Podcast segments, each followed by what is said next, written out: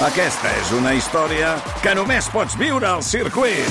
24, 25 i 26 de maig. Gran premi Monster Energy de MotoGP al circuit de Barcelona, Catalunya. Compra ja les teves entrades a circuit.cat. Viu-ho! Au village sans prétention, j'ai mauvaise réputation. Que je me démène ou que je reste quoi, je passe pour un je ne sais quoi. Com tenim la reputació, Santi Jiménez? Pues avui dormida. Sí? Sí, Tens sí. son avui? Avui una miqueta, sí. Deixa'm saludar un home que segur que també té son No, i no, que té no son, és... A... I que no és... no a- tens vergonya ni reputació. li- a- És que, sí, exacte, no té vergonya ni reputació perquè, a més a més, eh, fa les seccions des d'arreu del món. Jo crec que és el, Sí, però- pa, és el Hola, paesa. Malcom Otero, hola, hola, eh? Què tal? Bon dia. És que anem investigant coses i eh, anem on la, investiga la investigació ens porta. Ah, és d'investigació pura. Es- El Malcom Otero avui ens saluda des de Frankfurt, des de la fira de Frankfurt, no? Sí, exactament. Exactament. Alguna novetat interessant? No, no parlem de Bueno, no, encara no. No, no m'he posat al servei encara, però per d'aquesta no. Malcolm reconoce que te han echado de casa. I que estàs voltant al món buscant algú que t'aculli. Uh, sota un pont, sota un pont. Uh, la setmana passada vam tocar James Joyce uh, d'una forma que alguns oients van quedar amb els ulls fora de les òrbites i les orelles també, uh, amb, sí, amb diverses referències uh, tremendes. Aquesta setmana, qui és l'home que entra al club? La setmana passada era, era Joyce perquè era un, un personatge que, que la gent es fa l'estupendo dient que... que Ui, sí, jo me'l llegeixo. que el llegeix tot. Ara sí que anem a, amb un que segur que, que se'l llegeix tothom. Mhm. Sí, sí, perquè avui parlem d'una d'una figura que sí que és universal. Diguem-ne que el, va crear un dels personatges més famosos, més reconeixibles arreu del món, que és Sherlock Holmes. Que, I és un home eh, que es va fer, que això és molt raro, ja s'ho puc ben assegurar, un home que es va fer ric escrivint. Avui parlem d'Arthur Conan Doyle.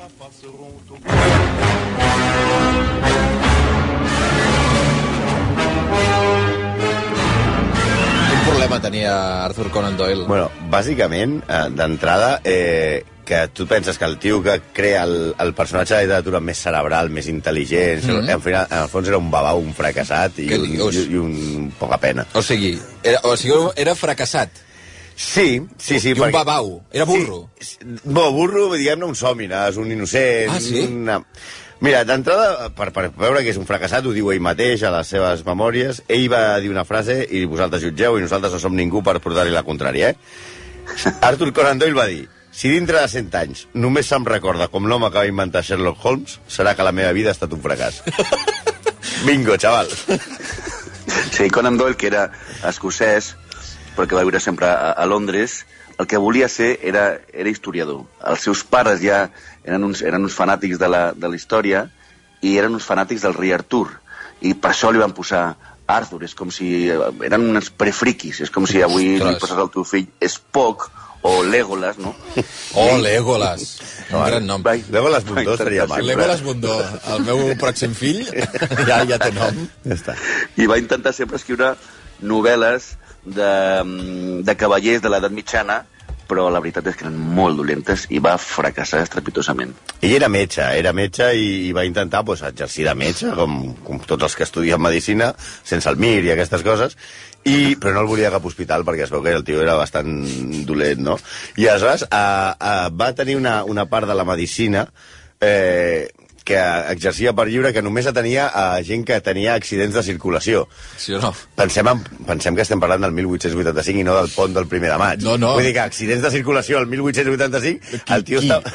Vés a saber. Vés a saber, vull dir... Sí, però molt molts- locos, no? La, la qüestió és que es va cansar que es va cansar d'esperar als marges de les carreteres que la gent s'estimbés i va decidir una cosa molt més pràctica que és fer-se oftalmòleg. Van estudiar a Viena, però per poc es mor de gana. Més tard va fundar un club de futbol, el Portsmouth, que té la sala de trofeus com la nevera d'en Gandhi, que ja vam parlar. Perdona, el Portsmouth és, és, és obra de Sir Arthur Conan Doyle? Sí, va ser porter. Efectivament. Oh. Va ser porter, sí. va ser sí, porter del Portsmouth. El Portsmouth va dos anys o tres va guanyar la Copa d'Anglaterra, però diguem-ne que va ser un pic a la seva història. És, una, és, és un equip bastant fracassat. Ja, també. Sí, com tot el que envolta aquest personatge. El pitjor és que, i això sí que és molt, molt conegut, que ell, creient-se el seu personatge, va intentar ajudar Scotland Yard un parell de vegades va, a resoldre crims, i això va fer, va fer un ridícul eh, estrepitós. Eh, bueno, la veritat és que ell, com era un personatge molt popular, també es va presentar dues vegades rotllo Vargas Llosa a diputat, i també va fracassar. Sí, i, i, i finalment, després d'això, d'intentar de fundar un club de futbol que no guanya res, d'intentar ser metge i no tenir no reixir, de ser oftalmòleg i no, i no, no trobar un ull que operar, eh, d'ajudar a Scotland Yard i a resoldre crims i liar-la més. Això és com si poses a Pablo Coelho com a, com a ministre d'Assumptes Socials, no? Sí, sí, sí. Vull dir, acabes... El tio a sobre va acabar la seva vida més penjat que un llum de ganxo, creient en les fades i creient Sí en no? tot el tema paranormal. Però, ostres, Sherlock Holmes eh, ho redimeix tot. Bueno, sí, vale, eh, tens raó. Va, va triomfar, Sí, sí, va triomfar. Sherlock Holmes, però la veritat és que aquest l'èxit del detectiu de Baker Street és una suma de, casualitat, de casualitats que, de fet, l'èxit no va ser gràcies a Conan Doyle, sinó malgrat Conan Doyle. Sí, home. Tot, tot, tot, tot en, en, en, aquest cas ens porta a creure que si fos per ell, si fos per ell, el, el, el carisma de, de, de Sherlock Holmes seria el del sereno de... Eh, i com era aquella història... mm, Cròniques d'un pueblo. Crò- Cròniques d'un pueblo. Sí. Sí, és aquell, seria amb la llança i la gorra. Ja, Ja, sí. Perquè és Però que... el dibuix que ell va fer del personatge no estava bé No, o què? a veure, ell, ell, això va anar amb el temps, no? D'entrada, eh, Sherlock Holmes és un nom ja que sona, dius, Sherlock Mola, Holmes. mola molt. Bueno, doncs ell el va batejar d'entrada Sherring, Sherringford Hope. Sí, sí. És espantant, espantós que la seva dona li va dir, nen, on vas a posar-li Sherringford Hope? Sherring, Això no... És que és difícil. Sherringford Hope. Sherringford Hope. Sí, perquè era un barco balaner que ell veia el, als ports i tal, i li, li agradava, i diu, toma glamour, i li posaré, li posaré el meu personatge el nom d'un barco balaner, no? Al final el va canviar i va canviar-lo el nom. Sherlock era en honor d'Alfred Sherlock, que era un violinista que a ell li agradava molt, i Oliver Wendell Holmes, que era eh, un jurista que havia escrit un tractat de psicologia criminal. Sí, la, no content que en haver-li posat aquest nom tan, tan desagradable, eh, ell es va imaginar un, un detectiu eh, en la imatge del seu professor de medicina, Joseph Bell, i el va presentar com un home baixet, panxut, barbut i lleig. Més o menys com un picador de toros de plaça de segona. Sí. Bé, sabeu que podeu estudiar la FP ara dels Però, toros. però ser picador és molt xungo, eh? És molt gros. És molt xungo, És eh? molt gros. És Fins i tot va, còmic de eh? seu...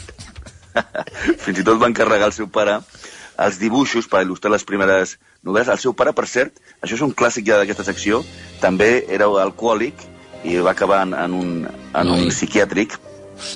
I aquesta descripció d'aquests dibuixos que acompanyaven va fer que els primers relats de, de Sherlock Holmes fossin un fracàs un altre cop. Sí, aleshores eh, els, seus, els seus relats van arribar a la revista Strand, que aquests tenien un dibuixant magnífic, es deia Sidney Paget, que és el veritable responsable de la imatge de Sherlock Holmes que coneixem ara i que ha passat al cinema, no? Eh, Paget va dibuixar, va, va veure els dibuixos que il·lustraven, i ell va fer, el dibuixant, o sigui, com passa en els còmics, el dibuixant va fer que el guionista canviés l'aspecte del personatge i va fer un home alt, atlètic, guapo, un home que, segons les paraules de Paget, va dibuixar un dandy que farà sospirar les dones i que tots els homes voldran vestir-se com ell en aquella època. Bueno, igual amb els hipsters igual tornen a vestir-se així. Com el Sherlock, amb aquesta doble gorra. Amb, amb, la gorra aquella de caçar, la pipa i tot això. Potser s'assemblava al Sidney Paget, eh? Perquè es Sí? miren imatges i és un home Ah. supermaco, Vols dir que va elegant. fer un autorretrat? Ah, mira, Esclar, sí, sí. O sigui, imatge, Paget- imatge seva, una Paget mica. rules. Per tant, el, el, el resum d'entrada és que el nom li va canviar la seva dona, l'aspecte li va canviar el dibuixant. O sigui... Sí, Sí, sí, però és que tens raó, però és que si la seva dona li va salvar el nom i el dibuixant li va salvar la, aquesta l'aparença, la seva mare li va salvar la vida Per a què? Sherlock Holmes. Bueno, per cert, Sherlock, perquè no va ser Watson, el doctor Watson, que de fet, ja suposo que alguns ho sabeu, eh, la, la, la famosa frase elemental, estimat Watson, eh, no, no surt a cap de les seves novel·les, això és una cosa del cinema, del cinema. Sí, ah, sí, ell...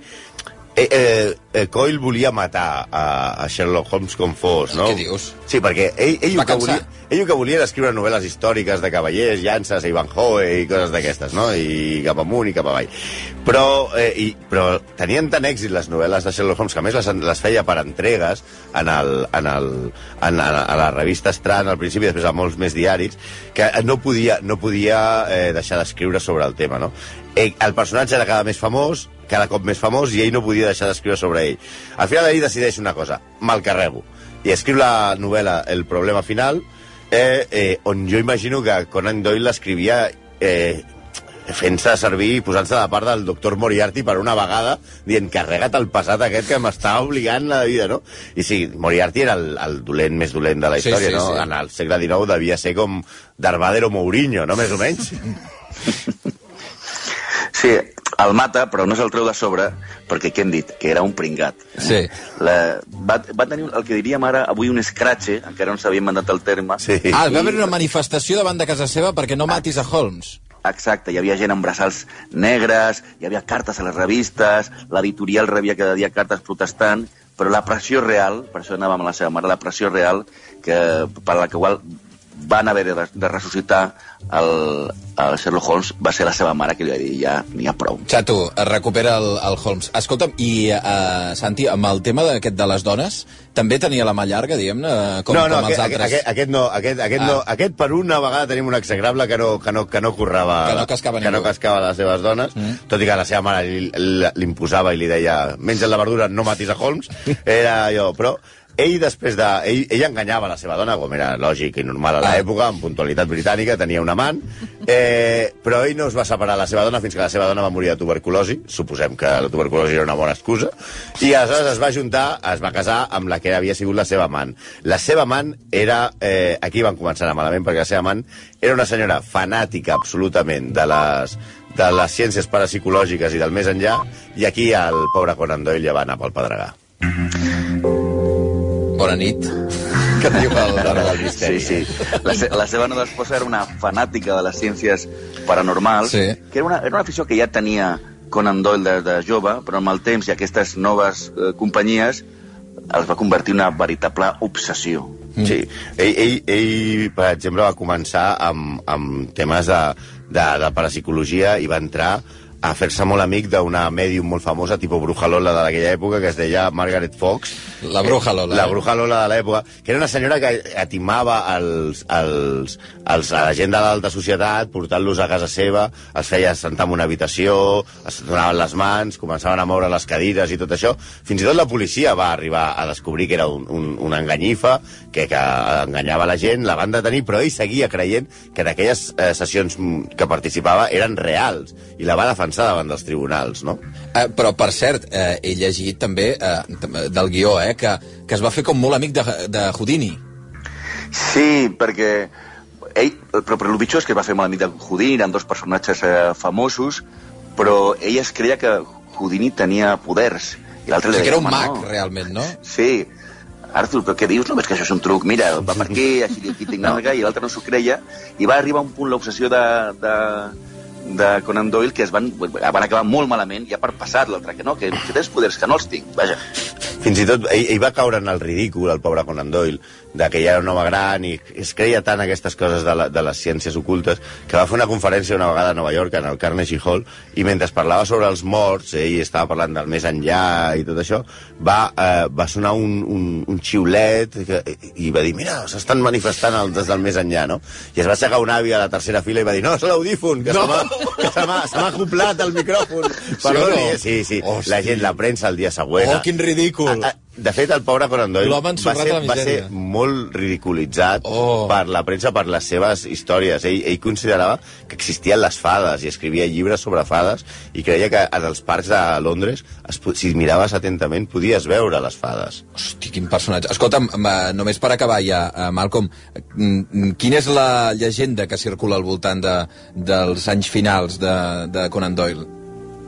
Bueno, pues la, la, la veritat és que... Bueno, ella va acabar molt, molt, molt malament, tan malament, que hi havia una, una espírit... O sigui, la seva, hi ha personatges que són tan, tan execrables que facin el que facin en vida, les seves coses continuen. Pues una mèdium, eh, com us en recordeu d'aquella escena de, de um, Clint Eastwood amb Obama parlant amb la cadira?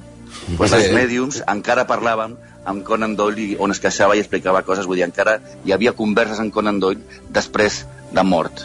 Fins i tot la seva dona, eh, quan va morir, la seva dona que era la, la fanàtica que el, de, Sí, el que el va portar camí. La- L'examant, eh, quan va morir Conan Doyle, el, va llogar un avió per fer una sessió d'espiritisme des del cel, perquè considerava que fer espiritisme amb un avió era més fàcil perquè estàs més en, més en contacte amb, les, amb, la, amb, amb els esperits, no? Les, les 10 i 3 minuts, quin personatge també, Conan Doyle, un pringat, no? No, Podríem- de fet, és, més que un pringat, era, era, és sorprèn veure que el tio que crea el personatge més lògic i deductiu del món Una mica tontorrón. era una mica, dius, tio... L'Helena Bausells ho renya, eh? Diu que és Vaja. molt trist interpretar les coses d'aquesta manera, perquè totes les experiències serveixen, no són fracassos. Ah, sí, Va, mira. molt bé. Sí, ve, veure fades també. Sí, sí, sí. Malcom Otero, moltes gràcies, eh, des de Frankfurt, a fer la feina, eh? Pues si ens, sobretot si ens regen avui, la setmana que ve no t'explico Per què, eh? La setmana que ve què feu? Parlarem de uh, Agnes Goncha Bohachu. No sé què és. Teresa de Calcuta. Oh!